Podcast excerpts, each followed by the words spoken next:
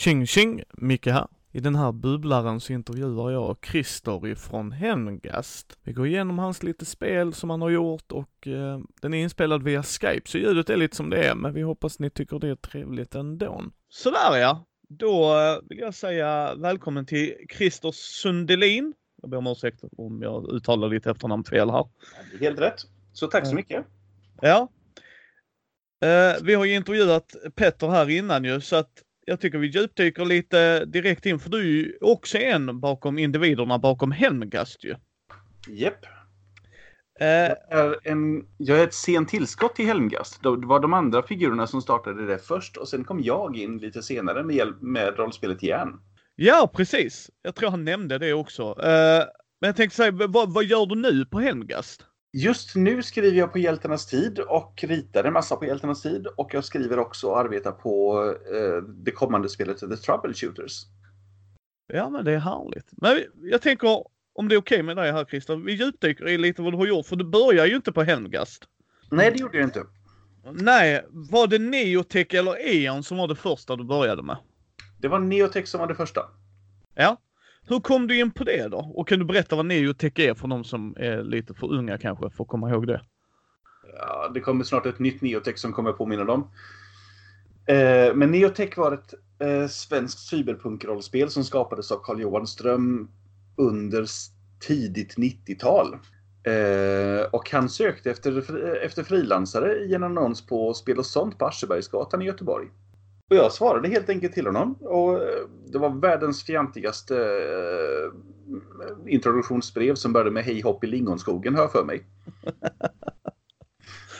Ja, det är härligt. Men det ledde i alla fall till att jag började skriva massa på Neotech.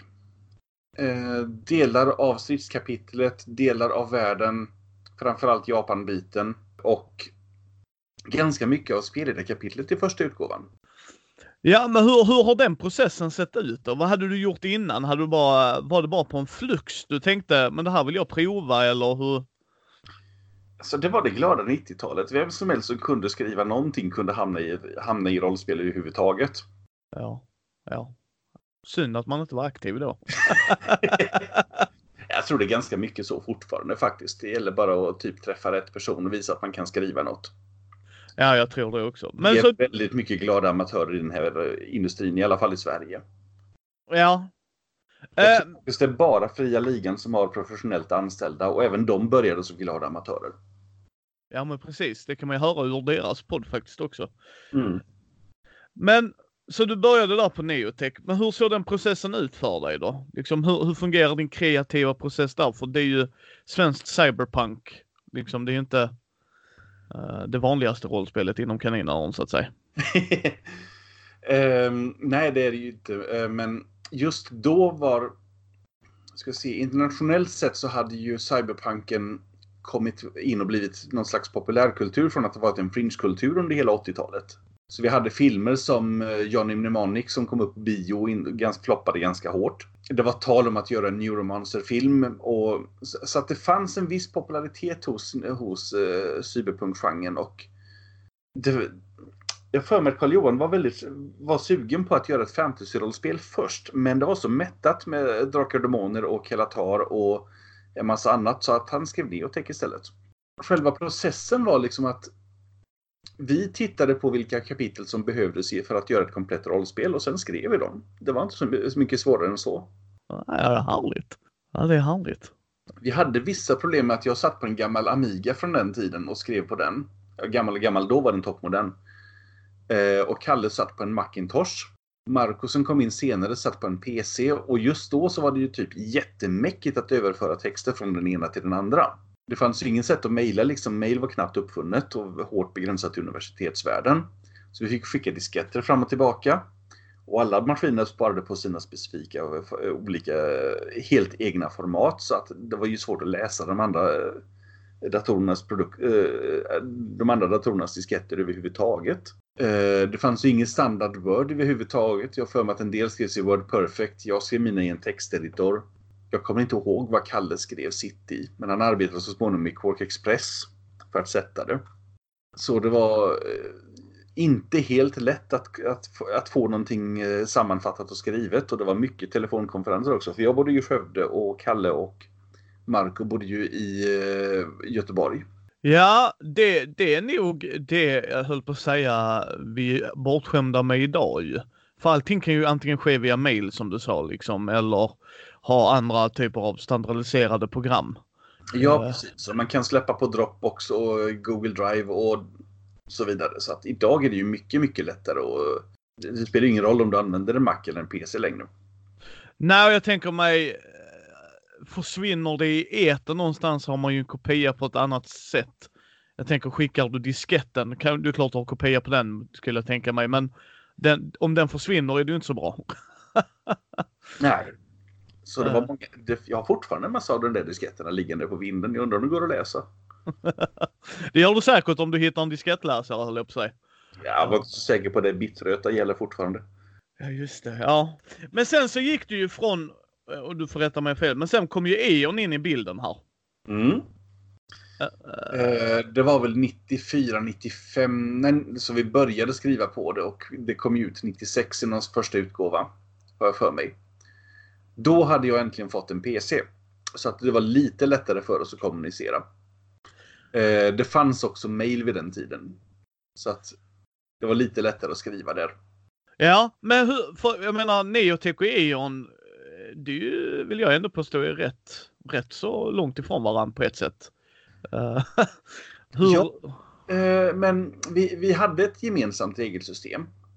Och det här, E.ON bygger till ganska stor del på de gamla skisser som Kalle tog fram för, för sin värld.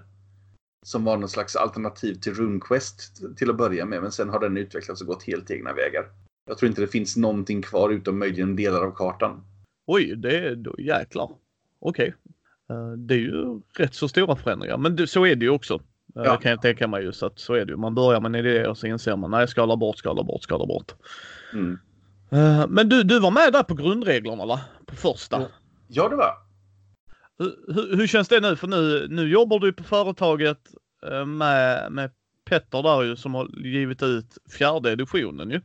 Mm. Uh, och, och vad jag förstår så har du jobbat på alla utom fjärde va? Alltså att du var med på grundreglerna till första, andra och tredje. Ja, jag har gjort några småbidrag till fjärde och det ett par artiklar som fortfarande inte har lyckats, uh, lyckats publiceras. Ja, ah, då väntar vi på dem alltså. Det är det du säger Christer? Jag hoppas det i alla fall att de någon gång får tummen ur och publicerar dem. Ja, men det hoppas vi på. Men för, för jag tänker mig så här man har grundreglerna. Ni satte E.ON då. Mm. Uh, och sen kommer ju version 2 och 3. Men hur ser sådana arbeten ut? Alltså vid varje edition? Ja, den stora grejen, stora motivationen till att göra en ny version är egentligen att det är eh, himla dyrt att starta ett nytryck av en gammal version. Men det är inte tillräckligt många som köper ett nytryck. Så det, det, det finns liksom ingen lönsamhet att göra ett nytryck utan man måste göra en helt ny utgåva för att kunna få med de gamla kunderna igen och få lönsamhet i, ny, i ett nytryck. Så då handlar det egentligen, egentligen om att eh, vad kan vi göra som gör det här till en ny fräsch utgåva? Eh, och samtidigt göra det så enkelt för oss som möjligt. Så andra utgåvan det var i stort sett bara små uppdateringar, buggrättningar och lite mer expanderat material. Ja okej, okay. ja men det kan jag tänka mig. Man har fått lite feedback då också när folk har spelat första. Och... Ja precis. Tredje utgåvan var större för den delar vi upp i två böcker. Eh, en spelledarbok och en spelarbok. Båda ganska tjocka. Ehm, och där Ja, det var återigen att återanvända massa, men, vi, men det var uh, massa gammalt. Men nu var det ju nytt folk också som ville skriva som gärna tog sig an och, och, skriva, in, och skriva nytt stuff. Ja, och för jag tänker mig där liksom hur, hur gick det samtalet till? För det är ju inte bara du som har jobbat på grundreglerna, ni var ju ett par där. Ja, vi var ganska många. Vid det här laget Eh, så var ju Petter även fastanställd på Neo Games ett tag. Ja, ja för han berättar ju det liksom sådär hur han jobbade med, med E.ON där. Mm. Men hur, för jag tänker, men ni hade ju grundreglerna, ni tweakar, ändrar lite, hotar upp det kanske, alltså så här, alltså att göra mm. lite små förändringar och dylikt. Men hur, hur, hur var det att skriva material till allt det här? Alltså hur, blev du tilldelad det eller hade du en idé, det här vill jag göra? Det var mer att jag hade en idé som det här vill jag göra. Konsaber är ett sånt där exempel. När vi planerade världen så, satt, så delade vi mer eller mindre upp den i små bitar och varje person fick sin lilla bit att skriva på. Och jag tog, igen, tog med en konsabelbiten och skrev den.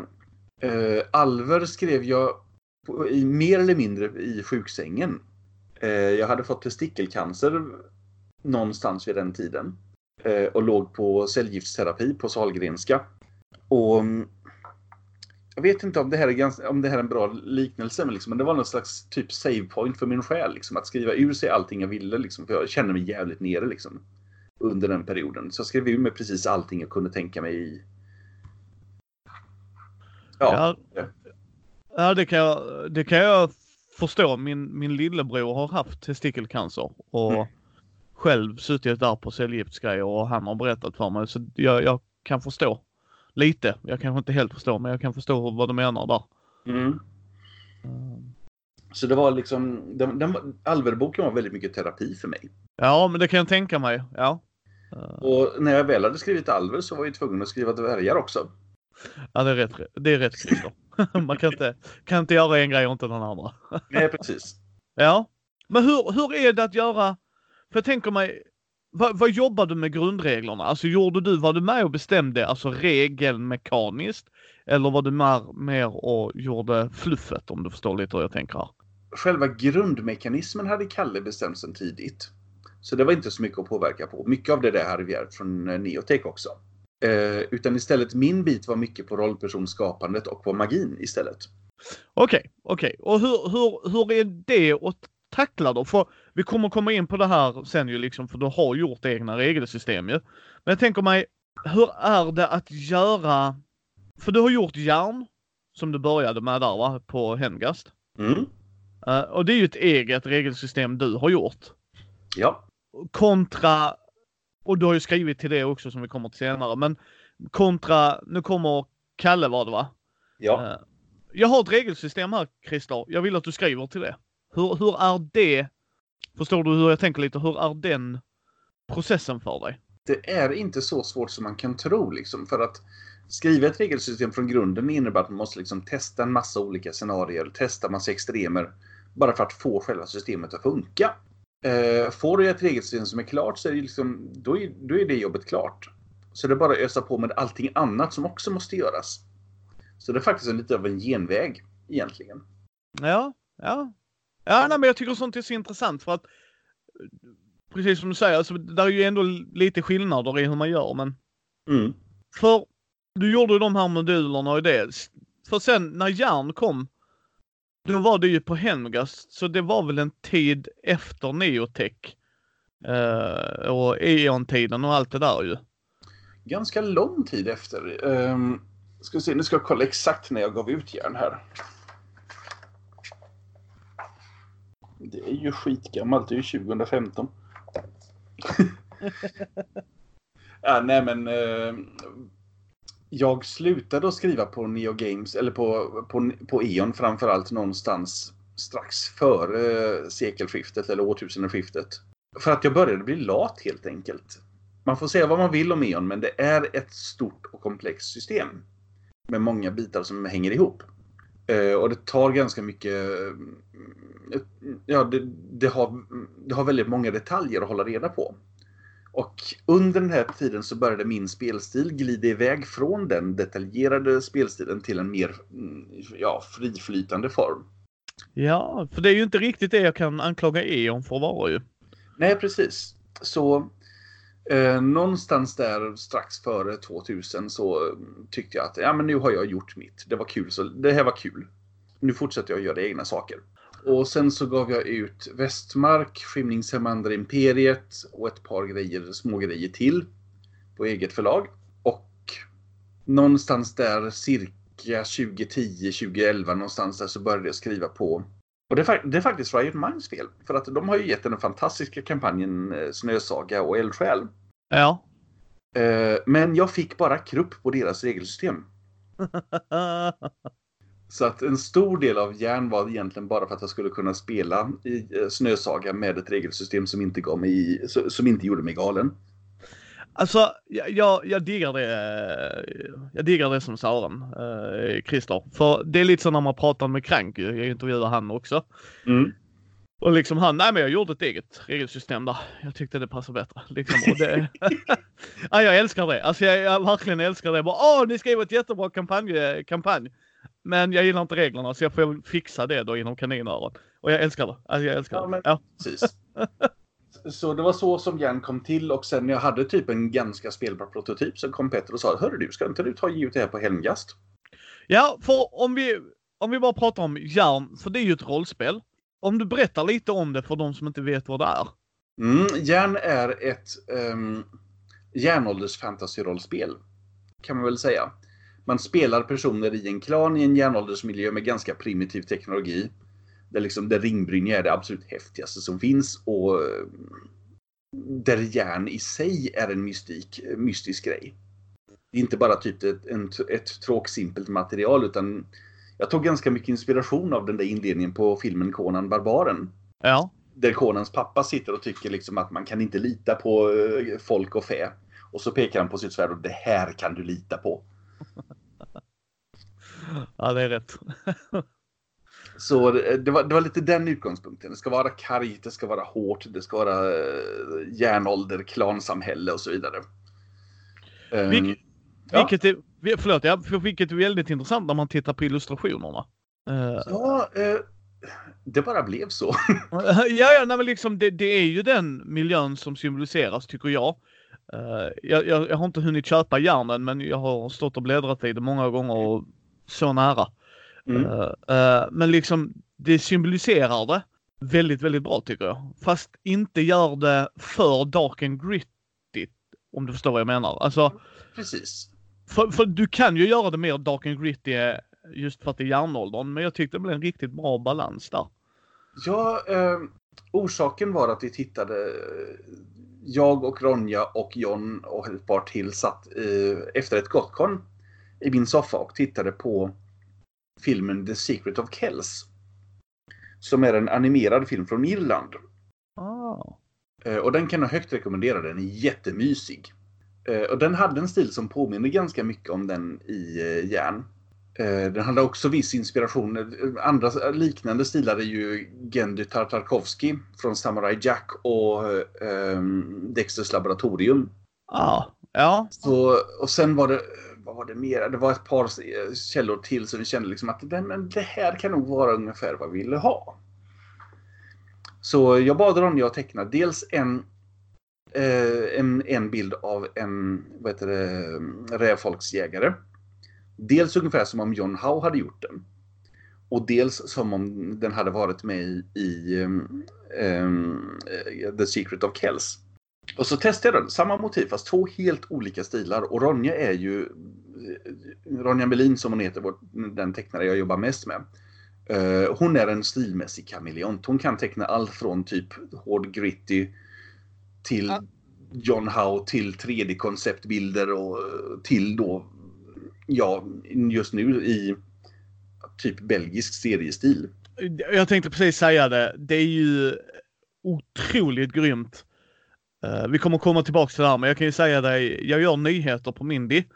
Mm. Varannan torsdag så spelar jag in med Thomas. Mm. Uh, Konrad Agger Engström. Han gör ju brädspelsvideos Mm. på Youtube.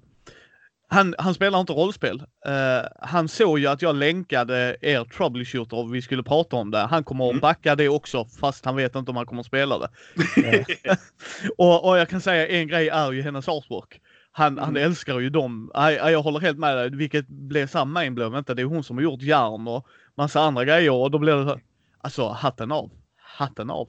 Ja, nej, hon är så bra så det är hemskt. Eh, ja. Men, eh, så när jag fick då de här två bilderna, båda är ju jättebra liksom.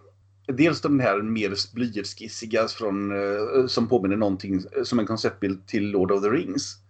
Och dels då någonting som påminner om någonting från, ja just Secret of Kells. Och så provade jag dem på en massa folk. Och frågade vilk, vilken de föredrog. Och här kom en intressant upptäckt att tre av fyra killar tyckte bättre om John Howe-bilden. Medan tre av fyra tjejer tyckte bättre om den andra. Mm, ja, det var intressant. Så att eh, jag tog en rövare helt enkelt. Vi kör på den här stilen. Och gå rätt ut och se vad som händer. Och det slutade ju med att Jan fick en väldigt, väldigt egen stil. Det finns ju inget annat spel som liknar det.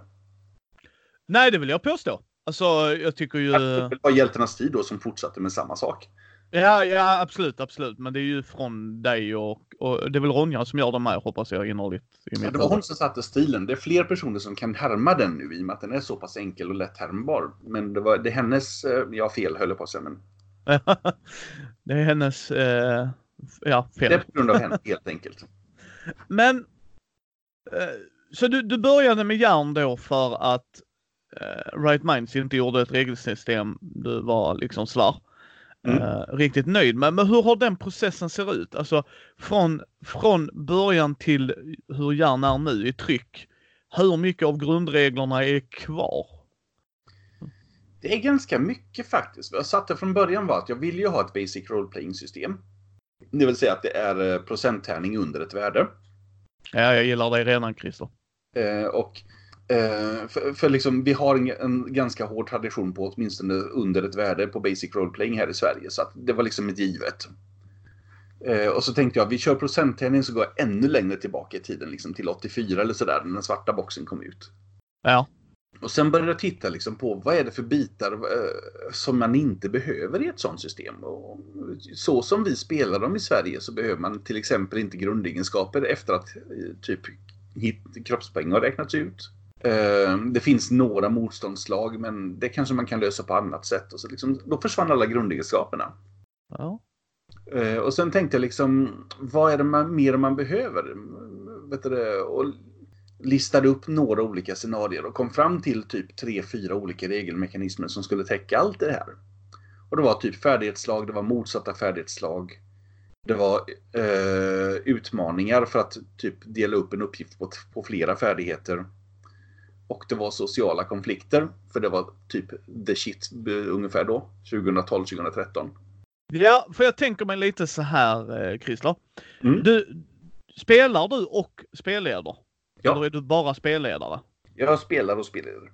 Ja. Hur har det hjälpt dig i ditt skrivande på just regelsystem?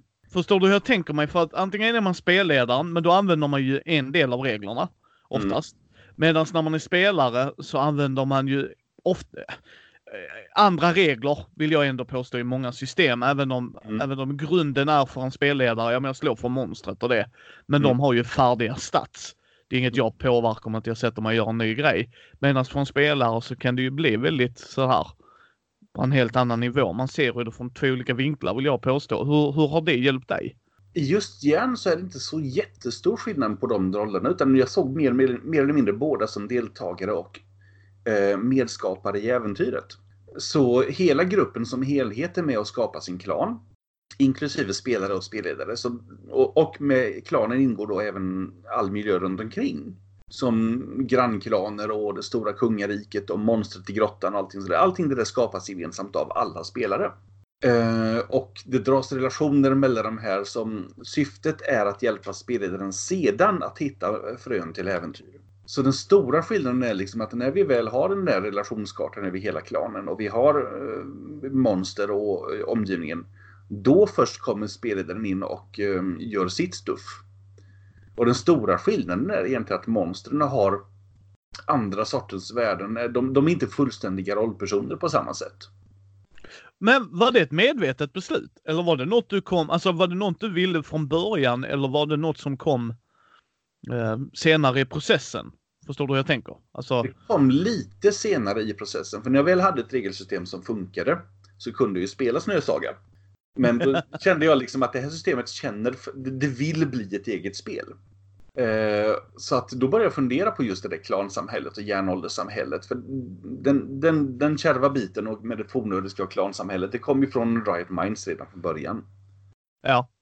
Eh, men just klanbiten, den kände jag att de hade tappat bort.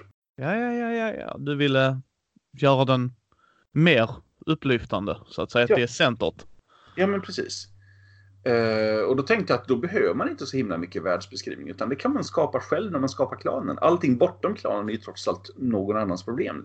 Ja, alltså det är väldigt fascinerande. Det är därför jag tycker det är jätteroligt att få prata med er. För att det är ju sånt här jag älskar. Det, det är ju jätteroligt att höra det, att du hade en idé, du spinner vidare på den. Mm. Uh, Ska se, var var jag någonstans? uh, Riot Minds, clownsamhälle. Ni bygger Ja, upp. Just det, ja. Sen kände jag också någonstans där att jag behövde ett helt annat magisystem för att få fram den här miljön. Vad jag kände var att eh, järnåldersmagi är inte mm, Hobbits-magi som i Drakar och Demoner. Där man kastar eldbollar på varandra. Utan det är mer att man eh, förhandlar med andar och gör anderesor in på andeplanet. Det är sån sorts. Mer spirituell magi så att säga. Mer spirituell magi. Mycket, ja, nästan shamanisk magi. Liksom. Man ska sätta sig i trans och prata med andar och går in i andevärlden. Liksom. Så jag började bygga ett helt nytt system för det istället. Som, och det var upphovet till de sociala konflikterna. Liksom, för att man måste för, ska man förhandla med en ande på ett spelmässigt sätt som är någorlunda rättvist så behövs det en mekanism för det. Ja men precis, ja, jag, jag förstår lite hur du tänker där för annars, annars är det ju, det kan ju hämma folk. Annars. Ja, precis. Men hur, hur såg den biten ut då? Alltså hur lång tid tog det innan den biten satt där i det systemet? Någonstans, ja, 2014 tror jag ungefär som har, då satt den biten någorlunda okej. Så då har jag hållit på med det här spelet i någonstans omkring 3-4 år. Ja, och det, många förstår ju inte det alltid ju. Att det tar tid eh, beroende på hur djupt man vill gå och hur, hur man vill utveckla världen och hur man jobbar och så ju. Mm. För, för jag menar, nu har du, nu har du gjort järn. Mm. Du har fått illustrationen av Ronja då. Men jag tänker så här också, för det här är också väldigt intressant för mig. För hur tänkte du runt utformandet av böckerna? Alltså, eller boken. Till eh, första järn då. Mm. Hur, hur, hur var tan tankarna där? Eh, den första tanken var att jag ville ha ett ganska litet format, inte de där stora A4-böckerna. Eh, då fastnade jag lite grann på US Comic-formatet. Som jag för mig är typ 8 tum hög och, eh, eller 9 tum hög och 7,5 tum bred. Och det är liksom standardstorleken på amerikanska serietidningar. Och det är ganska snyggt format, liksom rent, for, rent proportionsmässigt. Så att jag körde på det som bas. Eh, och sen var det typ leta typsnitt och så vidare. Jag hade inte jättemycket pengar att tillgå så att och det mesta av de pengarna jag hade, la, de la jag ju på konst helt enkelt. Så det var mycket att leta upp typ fria typsnitt som man kunde använda. Ja, för det, för det är det jag tycker är så jätteroligt att höra också. För många tror ju att, att det dyraste i en produktion är oftast att trycka och det är ju en kostnad i sig också. Men-. Eh, men illustrationer är ju nog ett av de dyraste grejerna ju, skulle jag anta va? Det är det. Lustigt nog så är det ganska stor skillnad på vem som gör vad här. Illustratörer får ofta betalt för eh, per konstverk. Och de tar betalt för per timme det tar att skriva. Medan skribenter som skriver bra mycket längre rent timmässigt, de får ofta betalt per tecken. Ja, det är också jäkligt spännande ja. Och ja, ja, nej, precis.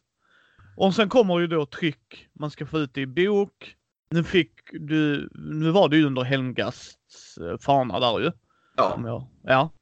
Eh, men för jag tänker också, kvaliteten på boken vill man ju också ha så bra som möjligt antar jag. Man vill ju att de ska kunna bläddra i den många gånger. ja. Eh, hur, hur var tankarna där då? Vi gjorde en första testutgåva bara för att se om det flög. Som var digitaltryckt i 50 exemplar. Och då var det ju limbundet så det var typ mm, ja, ungefär som eh, en normal pocketbok liksom fast tunnare. Ehm, och de gjorde som billigt som möjligt och såldes bara på ett konvent bara för att se om folk faktiskt gillade konceptet. Eh, sen drog vi igång en crowdfunder på Indiegogo. Och Ja. satte in pengar. Och då satte vi ett mål någonstans att kommer vi upp i så här mycket så gör vi hårdbundna eh, sydda böcker. Och det kom vi upp till. Oh, härligt! Ja, för det är det jag menar, för att man vill väl, äh, rätta mig om fel här Christer, men jag antar man vill ju leverera en så bra produkt som möjligt ju. Så att, Oh, ja. Eh, Och jag vill ha ett spel som, eh, som håller att spela liksom så att det känns... Eh, och jag har ju hur många rollspel som helst som håller på att rasa sönder som eh, lösbladssystem. Bara för att de är typ kass, kass limbindning. ja så- men precis, Så jag ser ju mycket hellre en sydd bok än vad jag ser en limbunden bok. precis. Jag, jag känner samma grej där. Jag har också haft system där bara, åh, det faller ut, yay! Även om man har kvar allting så vill man ju att den ska vara hel när man bläddrar i den. Mm, ja tack.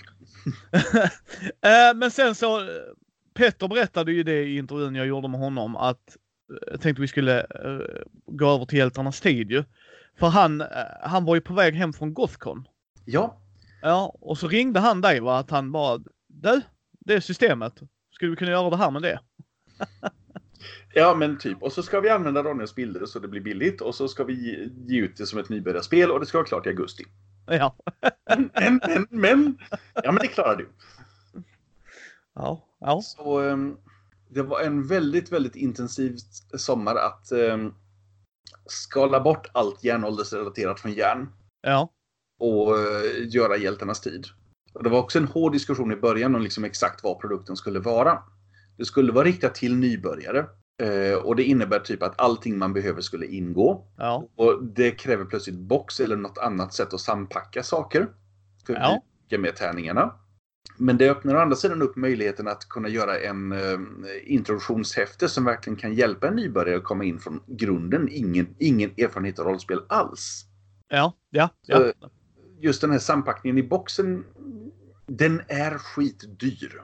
Det har jag hört av andra källor också. Ja. Många inser nog inte hur mycket det kostar. Så Eh. vi, hade, vi hade möjligheten då att kunna återanvända verktygen för att göra boxen från eh, fria ligan. Vi tryckte helt enkelt boxen på samma förlag och de har ju kvar sina verktyg. Ja, ja, ja, okej, ja, precis.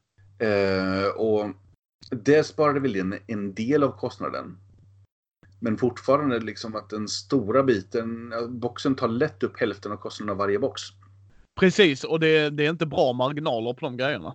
Nej, det, det, det var bra nog. Ja, absolut, absolut, förlåt. Ja, men, men det är inte så många som tror att ja, men det kostar väl bara kronor och ören. Nej, nej, Mm. nej. Nej, nej.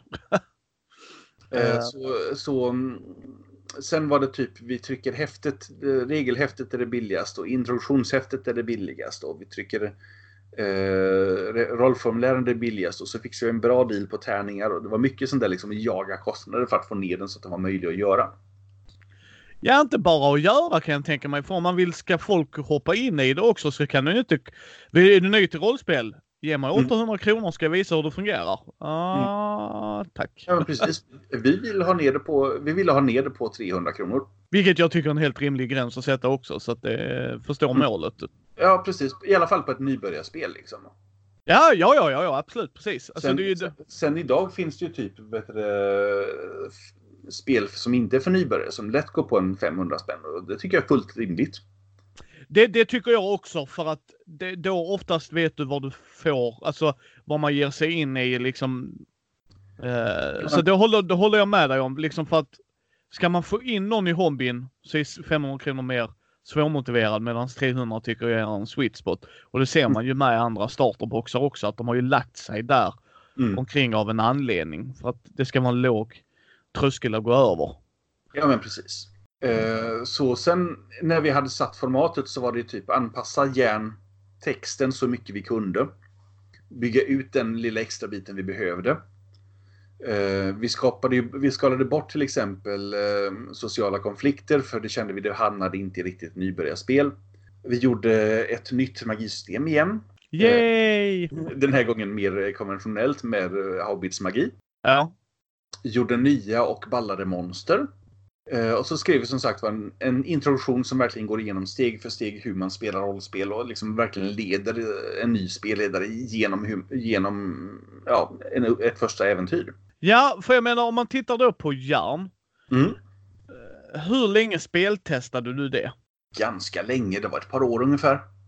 Hur speltestade du det? På två sätt framför allt, eller tre sätt till och med. Eh, dels var det rena systemtest, liksom att kolla att allting funkar. Ehm, och det kunde göras med simuleringar i Excel till exempel. Eh, dels processtest, liksom, hur funkar en fight? Och då sitter man liksom typ ett par, tre personer, hittar på en gubbe snabbt och så slåss vi ett tag. Och, s- och sen då vad heter det, långtidstest i form av kampanjer, ofta typ sex spelmöten ungefär. Bara för att se att kampanjbiten av spelet funkar. Men skickade du ut det till andra eller var det bara du som speltestade? Det var jag, Petter och ett antal till som vi spelade med, spelar ofta med här i Göteborg. Okej, så att ni, ni spelade tillsammans? Okej, ja. Men du skickade inte ut det till en annan spelledare tänker jag mig, utan det var bara liksom in-house? Ja, men typ. Ja. Men hur, för, för frågan jag vill ställa nu då är att hur såg det ut med hjältarnas tid speltester då? För jag tänker, som du sa, nu fick du göra ett nytt magisystem, tog bort lite grejer, ska göra det entry level. Mm. Eh, det var det typ, ehm, jag lånade eh, några kompisars barn och testade med dem. Ja, det låter jättebra. Eh, jag provade med en kollegas dotter och lät henne vara med och spela. Men det var typ under den där perioden strax före sommaren. Liksom. Så under maj, så, så under april ungefär så spikade vi hur det skulle se ut. Under maj så skrev vi som fan, eller skrev jag snarare. Eh, under juli, juni så speltestade jag med alla möjliga folk. Eh, och under juli fixade vi allting det. ehm, skapade tryck, eh, gjorde layouten, skapade tryckfiler och så vidare. Och så gick vi i tryck i augusti. Och fick hem allting lagom till september. Alltså det är... Hade jag haft en hatt på mig Christer hade jag tagit av den till dig. uh, Det var löjligt hög fart på den produktionen. Men å andra sidan hade vi mycket gratis från järn. ja, eh, för Järn har ju inte lika mycket som Hjältarnas tid har. För där har ni ju gjort väldigt mycket ja, extra äventyr, alltså så här, Mm. sidogrejer ju. Hur, hur har det sett ut? Alltså har, det, har du varit med på allt, en del av det? Alltså, jag är alltid med som redaktör och liksom den som slutgodkänner allting. Ja, Eh, och jag är även den som gör layouten. ja. Annars under konstruktionen kommer jag med konstruktiv feedback och tycker liksom att det här kanske skulle ändras för att passa bättre med stilen och så vidare. Men okej, men är det, är, det, är det Helmgas då som outsourcar det eller är det folk som kommer till Helmgas och säger du jag har en jättecool idé till Hjäl- Hjältarnas tid? Oftast är det folk som kommer och säger det här vill jag göra. Eh, Det var så som hände till exempel med Sorgeveden-boken. Det var Anders Blix som kom och frågade den här vill jag göra. Coolt tyckte jag. Vilket spel vill du göra den till? Funkar det bäst till järn eller till Hjältarnas tid? Och han tyckte att det passade bäst till Hjältarnas tid så då skrev han den till den.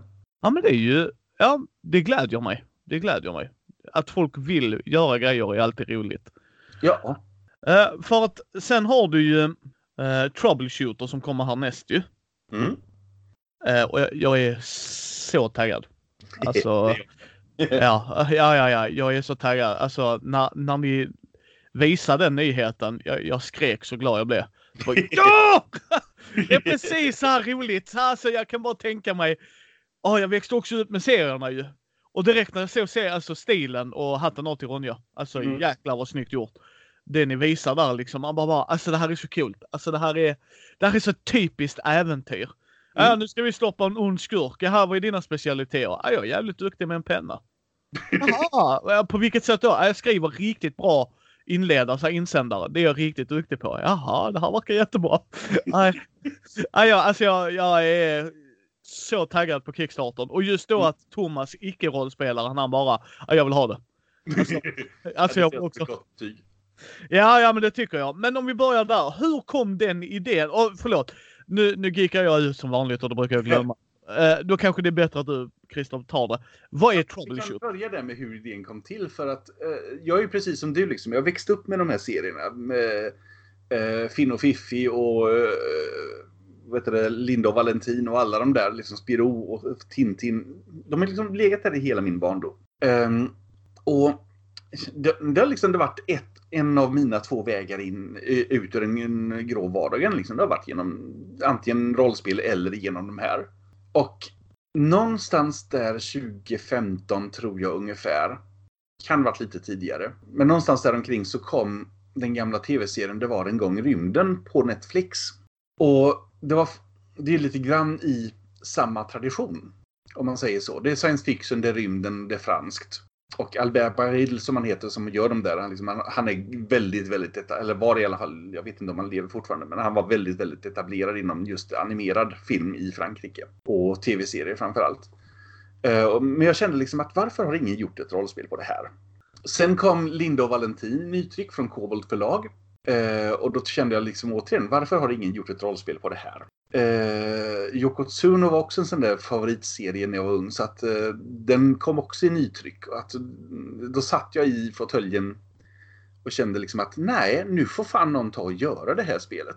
Ja, alla hjältar bär, bär inte mantel. Alla hjältar bär inte mantel, gott folk. Så att eh, ja, jag tittade runt en gång till för säkerhets skull och upptäckte att just då, verkligen, jag verkligen länsade marknaden liksom, och försökte hitta någonting och det fanns inget sånt rollspel. Så att eh, ja, jag började, kom fram till nej, nu gör jag det. Ja, nej, tack. Christer? Sen lite senare har jag faktiskt precis i dagarna så upptäckt att det finns ett Linda och Valentin-rollspel sen i april. eh, Den kickstartades i Frankrike i april. Ja. Och jag har tyvärr missat den. Men det är på, på franska också va? Det är på franska. Ja, ja, jag tänker bara då, då kan man missa en hel del för när det blir Eh, så här. Ja.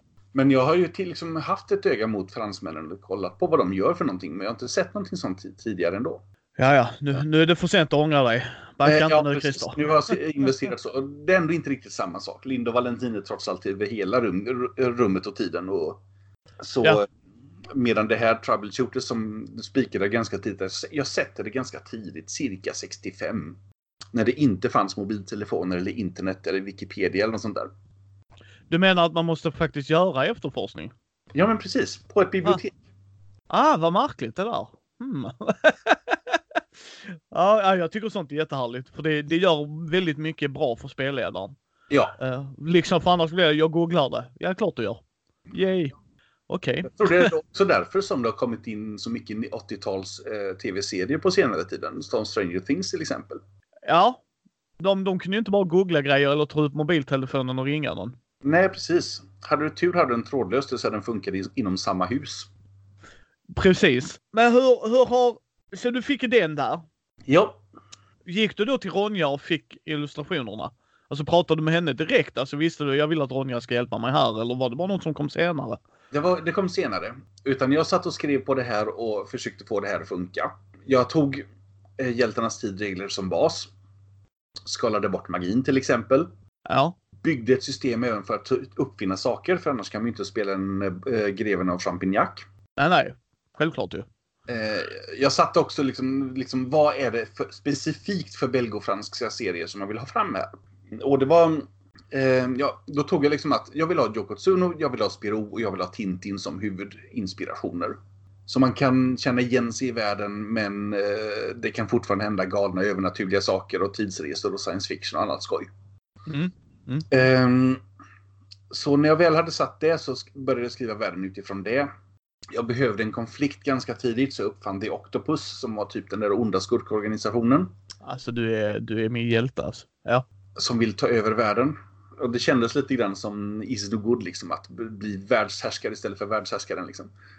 Ja, nej, nej, men det är det jag gillar. Alltså det, det kändes, när jag såg det, så kändes detta, det här är ju min barndom i de fransk-belgiska serierna. Ja, Alltså, typ. alltså nu, nu ska jag ta över världen, ni hör varför det, ja men det, det är ju det man ska göra ju. Mm. Det, det är ju Och- huvudmålet. Sen började jag också i samband med det att skissa på eh, stilen själv. För att vid tillfället så hade jag ingen aning om att jag skulle ge ut överhuvudtaget. Utan jag bara skrev det. Eh, så jag kan rita, jag är inte lika bra som Ronja, jag är framförallt inte lika snabb som Ronja. Eh, och inte lika mycket konstkameleont heller. Så, eh, men jag kan i alla fall göra hjälpliga illustrationer. Så jag började skissa på ett omslag. Och sen så samlades Helmgast en mörk novemberkväll på, för att ha en slags konferens om vad vi ville göra med framtiden. Och då plockade jag fram då mitt, eh, det systemet som jag hade skrivit ut på, eh, på, som ett häfte och med den här framsidan som jag hade gjort. Och Paul och Marco och Petter blev helt i limningen och tyckte att men det här måste ju ge ut. Ah, eh, Och jag, jag sen, har, sen, sen har vi då ta, förädlat det. Ronja har ta, typ ritat om det omslaget. Det är fortfarande samma omslag men hon har gjort det till sitt istället. Och Ja. lyfte minst fyra våningar. ja. Eh, Jag har letat illustratörer som 17 och det är inte helt lätt att hitta dem alltså som kan teckna på det sättet. nej, alltså, ja, jag eh, trodde i ett svagt sinnesögonblick att du hade letat fram illustrationer och köpt loss dem. Alltså, du vet här, från Mm. den tiden. Eh, nej, det hade jag Nej. inte.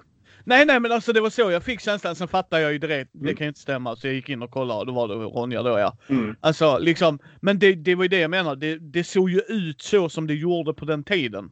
Ja men Alltså- precis. Och då, och då liksom är det den miljön, alltså det är spot on Christer. Mm. Spot on. Ehm, ja. Så från början hade, vi, hade jag tänkt mig att spelet skulle, skulle starta i Strasbourg och sen ta iväg över hela jävla världen. Ja. Eh, Strasbourg valde jag då för att det ligger typ på gränsen mellan Tyskland och Frankrike och det ligger väldigt centralt och mycket av det som kommer att bli EU hamnar där. Liksom. Så det är, liksom en, det är både en eh, landsortshåla och ett internationellt samhälle. Men sen kom Marco och sa att men det är inte särskilt många utanför eh, Europa som känner till det här. Liksom. Men framförallt inte utanför typ eh, Frankrike och eh, Tyskland som känner till Strasbourg så mycket. Så att eh, han föreslog att vi skulle sätta det i Paris istället. Så nu är det där som vi startar. Ja, men det, vadå, alla sätt är bra utom de dåliga ju. Det, Precis. Men hur, hur mycket har du speltestat det då? Ganska mycket. Eh, vi har speltestat konstant i ett och ett halvt år ungefär.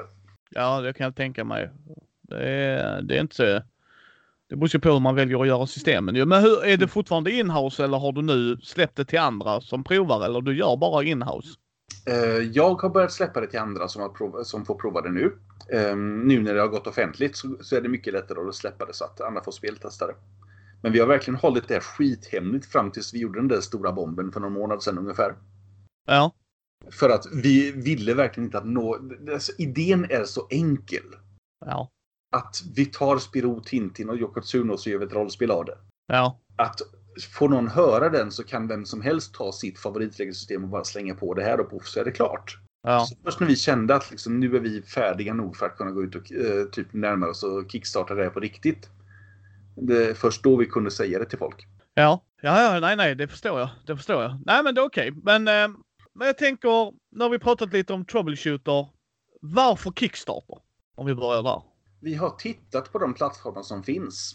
Och det är ju en liten kontrovers just nu om deras antifackliga inställning. Men det finns ingen som har samma räckvidd som Kickstarter. Nej, och eh, vi pratade detta i det senaste nyhetsavsnittet. Mm. De själva som är med i facket, eller de som mm. håller på att starta det, tycker inte att man ska bojkotta. Utan göra som ni på Helmgast gjorde, skriva ett öppet brev till dem och kritisera mm. dem. Uh, så att, ja, jag kan förstå det. Det var ett jättebra initiativ att skriva det där öppna brevet. Eh, det var inte vårt initiativ utan det var en stor del av oss, alla svenska spelskapare som skrev, skrev ihop det. Ja, absolut, absolut. Yes, och det sa vi. Vi nämnde ju alla som hade skrivit under där. Absolut. Men det, det är ju det. Det är större utspridning och jag tror inte folk förstår, även om ni har en stämpel i svensk rollspel och blivit lite mer internationella med kult och lite sådana grejer ju. Mm. Så är ni ju inte fria ligan.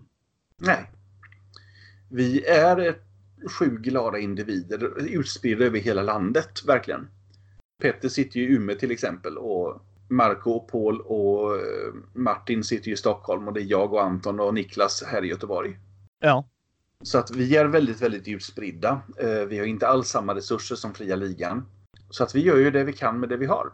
Ja, nej precis. Och då, då krävs det ju att man får gräsrotsrörelsen med sig ibland.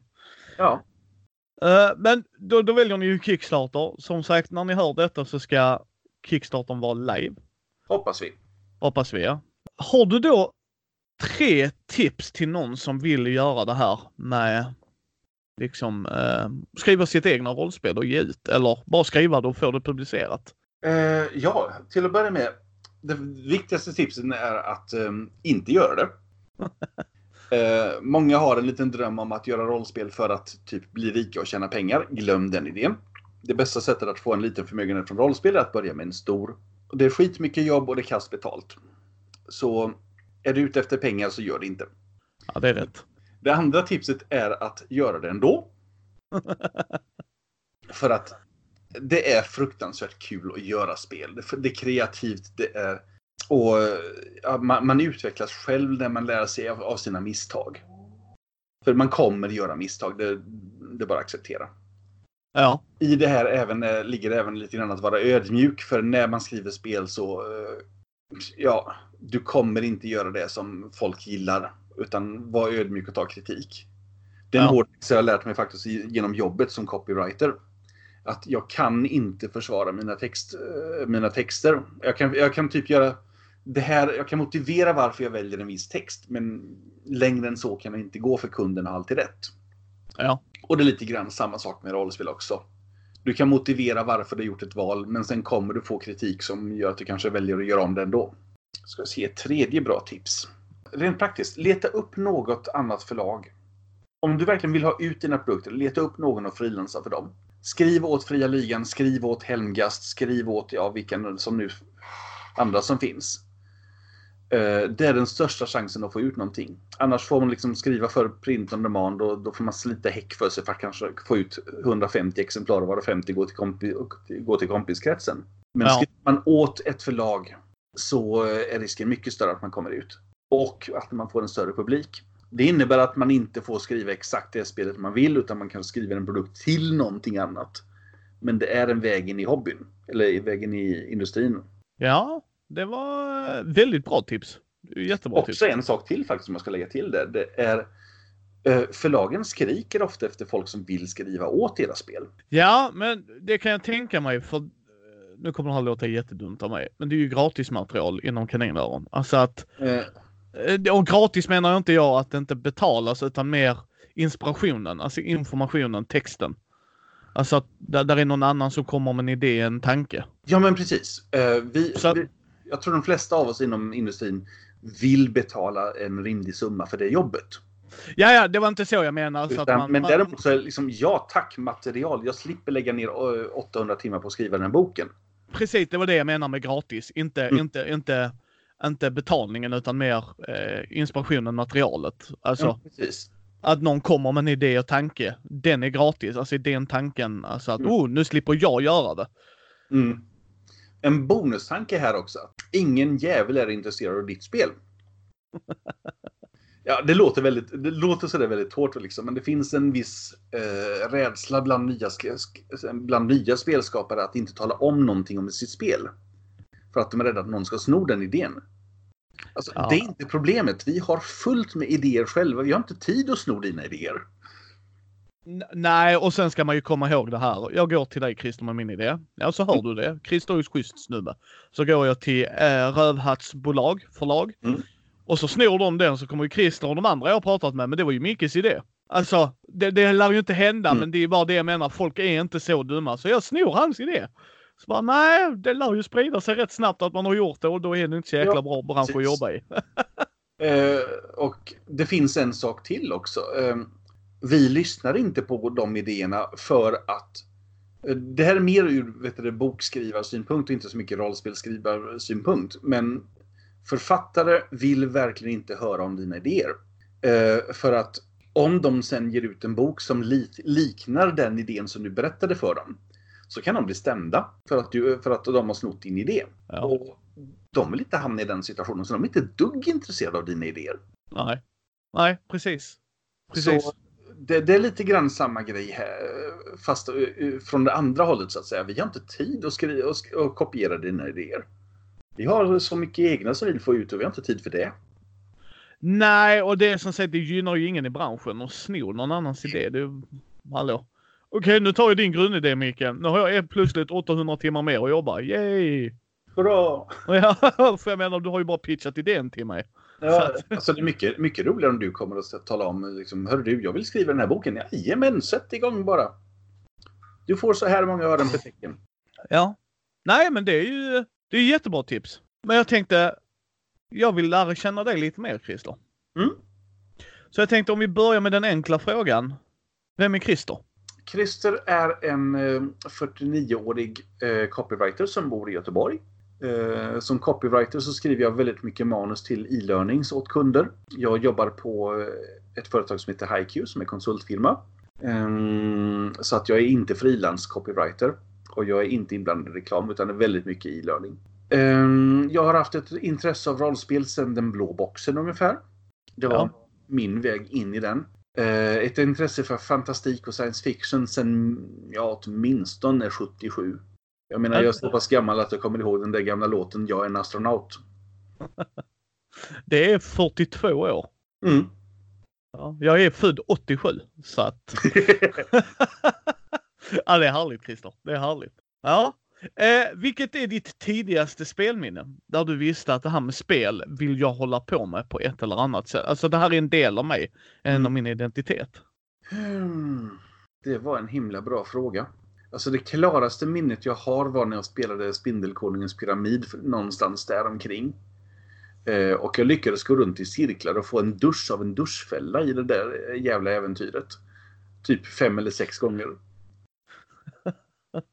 Så det sitter fortfarande i huvudet liksom, Krille får en dusch. ja, det är härligt. Eh, jag, har inga, jag har inga minnen av brädspel innan dess. Liksom, utan det är just Drakar och Demoner och den Spindelkonungens pyramid som är mitt första riktiga spelminne. Ja. Eh, det, det fanns ju knappt. Det fanns ju Alga-spel och sånt där, men de var ju inte roliga. Nej, ja. jag vill nästan påstå att de är fortfarande inte roliga, men ja. Jag kommer ihåg någonstans där sommaren 84 ungefär. Vi hittade min farmors gamla eh, Vangaratta. Kan vara min pappas gamla eh, brädspel Vangaratta. Som är ett sjöfartsspel som jag och min lillebror upptäckte snart att det var horribelt brutet på grund av att det var det var mer lönsamt att spekulera i valuta än vad det var att eh, frakta varor över världen. Så vi bröt ju spelet genom att typ ja, valutaspekulera istället. Så att pengarna i banken tog slut. Alltså det är så härligt när de... Ja men eh, tänk om någon bryter. Nej, det är ingen som bryter spelet för att de kommer att spela i, du vet, andan. Uh, nej. Okej, okay. ja men så det var där med eh, liksom Drakar och Demoner då? Ja. Ja. Spelar du brädspel, Christer? Ja, inte så mycket som jag gjorde de där somrarna. Liksom, just de där somrarna så var det liksom sådär att jag gillade fortfarande rollspel och spelade det helst. Men på somrarna så var det jag och min lillebror och möjligen någon kompis i en sommarstuga i Värmland och de spelade ju inte rollspel. Ja, de var inte lika coola, är det det du säger Christer? Ja, ja. En typ. Så att eh, Då var det brädspel istället och då var det ja, framförallt Alga-spel. Liksom. Så ner till den lokala leksaksbutiken och se om de hade något nytt och det hade de ju typ nästan aldrig. Drakborgen var det häftigaste som kom, in, kom någonsin. Ja, men spelar du nu då? Alltså nu när du är vuxen? Inte lika mycket som rollspel, men det, det händer. Ja. Det är ganska mycket kortspelet Boss Monster för, för det är en sån där lagom lång produkt. Tar ungefär ja. en timme att spela. Några av Cool Mini och Knots, deras figurer har ju helt, oh, fantastiskt mycket plast. Eh, Rising Sun är rätt kul, Masmora är rätt ball eh, och så vidare. Ja. Men eh, är du Ameritrasher eller Eurogamer om du förstår vad jag menar? Jag ligger nog lite närmare eh, vet du, mm, vet du, Eurogamer. Ja, du vill ha lite mer, me mekanik är mer viktig än tematik. Ja, tematik är ju skitviktigt också, men eh, det, det är framförallt euromekanismerna som jag tycker om. Ja. Men vilket är ditt favoritbrädspel då? Alltså jag undrar om inte Boss Monster vinner. Ja, ja men det gör väl inget. Det är ju ett coolt system tycker jag. Ja, så. Det är också sådär typ lagom nostalgiskt genialt liksom. Ja men precis. Och just förpackningen är ju jättekul tycker jag. Ja, den är ju fantastisk. Liksom, det, det är en Gameboy och sen expansionerna kommer i cartridge. Och bland de där vet du, Cool Mini och Not-spelen, liksom, de, är ju, de är ju väldigt mycket Ameritrash. Oh ja. Oh ja. Eh, men just Rising Sun är väldigt intressant för att eh, i sig, själva spel, det har all plasten från Ameritrash. Men eh, den har mekaniken som är från ett eurospel. Ja, jag har inte spelat det än. Tycker du jag borde göra det, Christer? Ja, åtminstone tycker jag att du ska prova det. Ja, men då ska jag försöka göra det. Det kunde lika gärna spelats med små, må, med små träkuber, men eh, på, på ungefär samma karta. men eh, nu är ju de ju som det är så att du får typ ett antal 10 cm höga plastfigurer med. Ja. Spelar du rollspel? Dum fråga. Eh, ja, det, ja så, så, som fan. Ja. Men då är du hellre spelledare eller spelare? Jag är nog hellre spelare. Oj, den var ju vanlig av en som är kreatör. Härligt. Jag, jag, jag, vill, jag gör ju de spelen som jag vill spela. Ja, för det, det skulle bara bli min följdfråga eftersom du sa att du nog hellre var spelare. Mm. Eh, gäller det även precis då när du har gjort ett troubleshooter? Då har du gjort det för att någon annan ska spelleda dig? Japp. ah, ah, du är så cool Christer. Ah, det är rätt. Det är rätt. Inte bara spel man vill spelleda utan spel man vill spela. Ja, ah, det gör mig jätteglad att höra det. Eh, ett, ett, exempel på en sån jättekul grej som inträffade när jag faktiskt fick spela det. I höstas för ett år sedan ungefär så hade vårt gäng, jag spelade en fransk skolflicka som blev en av exempelkaraktärerna sen. Vi, vårt gäng hade blivit tillfångatagna av den onda skurken i, i spelet. Och då finns det en storypoängsmekanism som bygger där du får jättemycket storypoäng för att eh, bli tillfångatagen bland annat. Och du kan få det för att aktivera en aktiv och så vidare. Men de här storypoängen gör att du kan bygga om verkligheten lite grann. Etablera saker som inte fanns tidigare och du kan aktivera dina förmågor för dem. Så att det är lätt att bli tillfångatagen men också lätt att fly. Ja. Ja men så som det var i serierna. Ja, precis. Och vi hade blivit tagit tillfångatagna av skurken och han sätter igång och rantar igång. Liksom, Ahaha, ni har kommit för sent. Ni kommer aldrig kunna stoppa min onda plan. Du vet det där. Ja, ja, ja. Jag trycker inte på den röda knappen bara. Eh, och jag kläckte ur mig någonstans. Eh, spenderade jättemycket storypoäng för att nu, nu gör jag säkert en jättestor ändring av spelvärlden. Och så, men pappa, sluta vara så himla pinsamt B-skurkig. Och spelaren till hans stora ära köper det direkt och säger Men pussgurkan, vad gör du här? ah, ah, aj, fy fasiken! Åh, vad det gläder jag mig. Åh, yes! Eh, och hela den där diskussionen slutar med skurken till slut bara Nej, nu får man nog upp på ditt rum utan middag! aj, jag gillar det. Aj, jag älskar det. Och ja, åh. Eh, då kände jag liksom att när spelledaren och jag var i sån samklang om den grejen då, då eh, ja, vi har fått spelet rätt. Ja, det, man vinner inte ofta i rollspel, men där vill jag ändå kalla att du vann. Ja, vi hade så jävla kul under det spel, eh, spelmötet så att eh, Aj, aj, jag är så taggad. Aj, aj, jag nästan gråter här. Men är du rull eller rollspelare? jag är lite av både och faktiskt. Eh, Ja. jag, jag är kass på att spela roller. Vilket, eh, ja. Jag önskar att jag var bättre men jag, liksom kan, jag har väldigt svårt att gestalta mina roller. Liksom. Jag, kan, jag kan ge lite olika röster på dem. Och, men ofta går jag ut i tredje pers- persons perspektiv att, och beskriver ut det, ur, ur den synvinkeln istället. Ja. Ehm, så jag ser gärna ett lite rullspel som stöd för min gestaltning. Ja, ja, ja. Förutom men det- den så skulle jag inte kunna gestalta. Nej, nej, nej, precis. Precis. Ja. Det, känner man nog för, förmodligen en ganska kass rullspelare också. För det där långsiktig taktik, eh, det är inte min grej. Jag är Taktik, sneak. Ja. Ja, precis. Jag är förmodligen ganska tass, kass brädspelare också för den delen. ja, det viktigaste är att man har kul. Ja, precis. Vilket är ditt favoritrollspel då? Eh, ja, det- hade ju varit dumt mig att inte säga Troubleshooters, för det är faktiskt favoritspelet. Ja. Men om, och därefter kommer Hjältarnas tid faktiskt. Ja. Eh, Men om jag ska nämna några spel som, jag, som favoriter som jag inte har gjort. Så ligger faktiskt Dungeons and Dragons väldigt högt upp på listan. Femte editionen eller? Femte. Ja. Fjärde och tidigare får jag bara krupp av i level 8 ungefär. Men femte är liksom, ja vi har kört till level 20 utan att jag, utan att jag blir irriterad på spelet. Oj, helvete. Det är ju inte en liten bedrift. Nej, det är någonting där som de har gjort som gör att det inte blir lika mycket meck att köra en höglevel-kampanj som det var tidigare. Ja, ja, nej, nej. Och sen själva... Ja, Jag, jag håller med dig. Jag gillar femte. Alltså de har ju st- strömlinjeformat det som Sören. Alltså verkligen. Det ska Mm. inte vara meck som du sa nu. Okej, du är level 9 nu Christer. Då ska vi bara ta upp de här sju- 78 miljoner böckerna och så ska vi kolla hur vi gör det här eller, eller inte. Eller Mm. inte. Ja. Jag har fyra klar- kvar att plocka ut innan jag kan göra nästa runda. Är det okej? Ja. ja, förutom eh, and Dragons, förlåt mig. Eh, sen så är jag fruktansvärt förtjust i Feng Shui. Jag är, Åh. jag är lite mer förtjust i Feng Shui 1 än 2 för 2 var lite för mycket tegelsten för min smak. jag har tvåan i hyllan. Jag har inte kommit runt och börjat läsa den. Mm, jag, det är också en sak att jag är lite emot rollspel som är tunga att bära. Rätt tanke, rätt tanke. Böcker väger, gott folk. Böcker väger. precis. Eh, så att eh, det är lite lustigt att jag gillar Dungeons and Dragons på grund av det. Liksom, för den, för den, det är ju trots allt en bit. Ja, fast det, där, där har de gjort det rätt smidigt för att någon jävel vid bordet har ju en spelledare, spe, player handbook ju. Ja, men precis. Så att jag menar, jag kan ju bara med mig äventyret. Om Mm. jag är spelledaren så chill! Mm, men jag tyckte om lite, lite bättre formatet på Feng Shui 1 för att det var lite tunnare. Och jag tyckte om deras äh, vet du, Foo Paths mycket bättre också. Ja. De finns fortfarande med i tvåan men de är inte riktigt lika tydliga. Ah, okej. Eh, och jag, det, har, det har jag ett minne av när jag satt på ett tåg från Skövde till Göteborg. Eh, och du vet hur det är en tågkupé, liksom alla sitter och tittar rakt fram och precis lite vid sidan av huvudet på den mittemot. Ja. Och det var typ ett äldre par som eh, inte sa flaska. Det var en mamma och hennes 13-åriga dotter och det var någon kille där som satt hopkrupen i ett hörn och såg obekväm ut.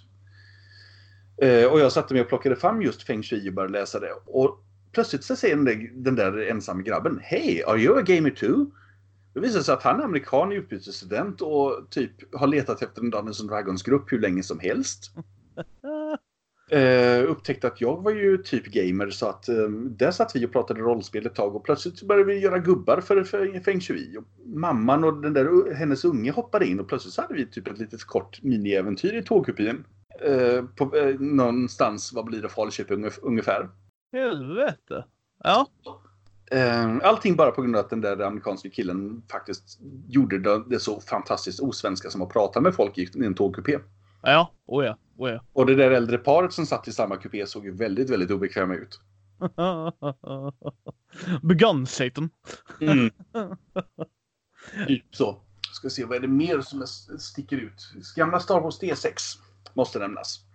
Det är en jättestor inspiration för både mig som spel, spelare och spelskribent. Är det den Stjärnornas krig West End? Ja. Ja. Ja, den sa Daniel Leto också var hans favorit. Ja, det tror jag. Det är fortfarande ett väldigt, väldigt väl, välskapat spel. Ja. Jag har eh. inte fått spela den. Det är en grej jag velat prova. Och det har bland de bästa spelledartipsen någonsin.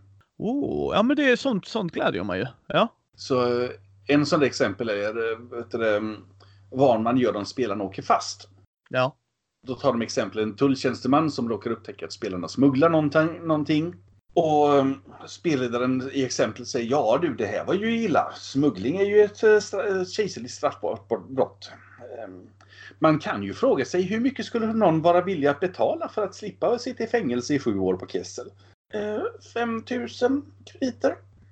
Sju år är lång tid. 10 000? Okej, okay, trevligt att göra affärer. ja, det är så man gör ja. Ja, nej. Så det, det, var fantastiskt välgjort just ur den synpunkten. Liksom, Greg Kostiken som skrev just de bitarna, han är fantastisk på att ge praktiska tip om, tips om spelledande. Ja, det, alltså jag har spe, spelat rollspel i, ja, vad är det, 13-14 år kanske sådär. Mm. Till och från under den här perioden då jag har jobbat väldigt mycket också. Uh, och sen har jag spelat brädspel i 17 år. Något mm. sånt. Men jag tycker fortfarande det är roligt att läsa den första delen i eh, spelboksmaterialet, alltså regelboken. Mm. Tips och tricks. För man kan göra det på olika sätt, absolut. Men där får man ju ändå en, vad de har tänkt sig med världen. Tänker mm. jag mig. Alltså, för det är lite det de ger där ju. Ja. Och, och, det är ju hatten av när man får det bra gjort. För att jag kan ju inte anta att varje gång någon som går in och köper Troubleshooter till exempel har mm. spelat mm. rollspel innan. Det, det blir jättekonstigt. Alltså. Mm. uh, liksom även jag som van rollspelare och spelledare vill ju gärna ta upp med att vad, vad, vad är Christers tanke här? Mm. Vad, vad är vikten i det? Uh, även om jag kan läsa om världen, även om jag kan läsa reglerna.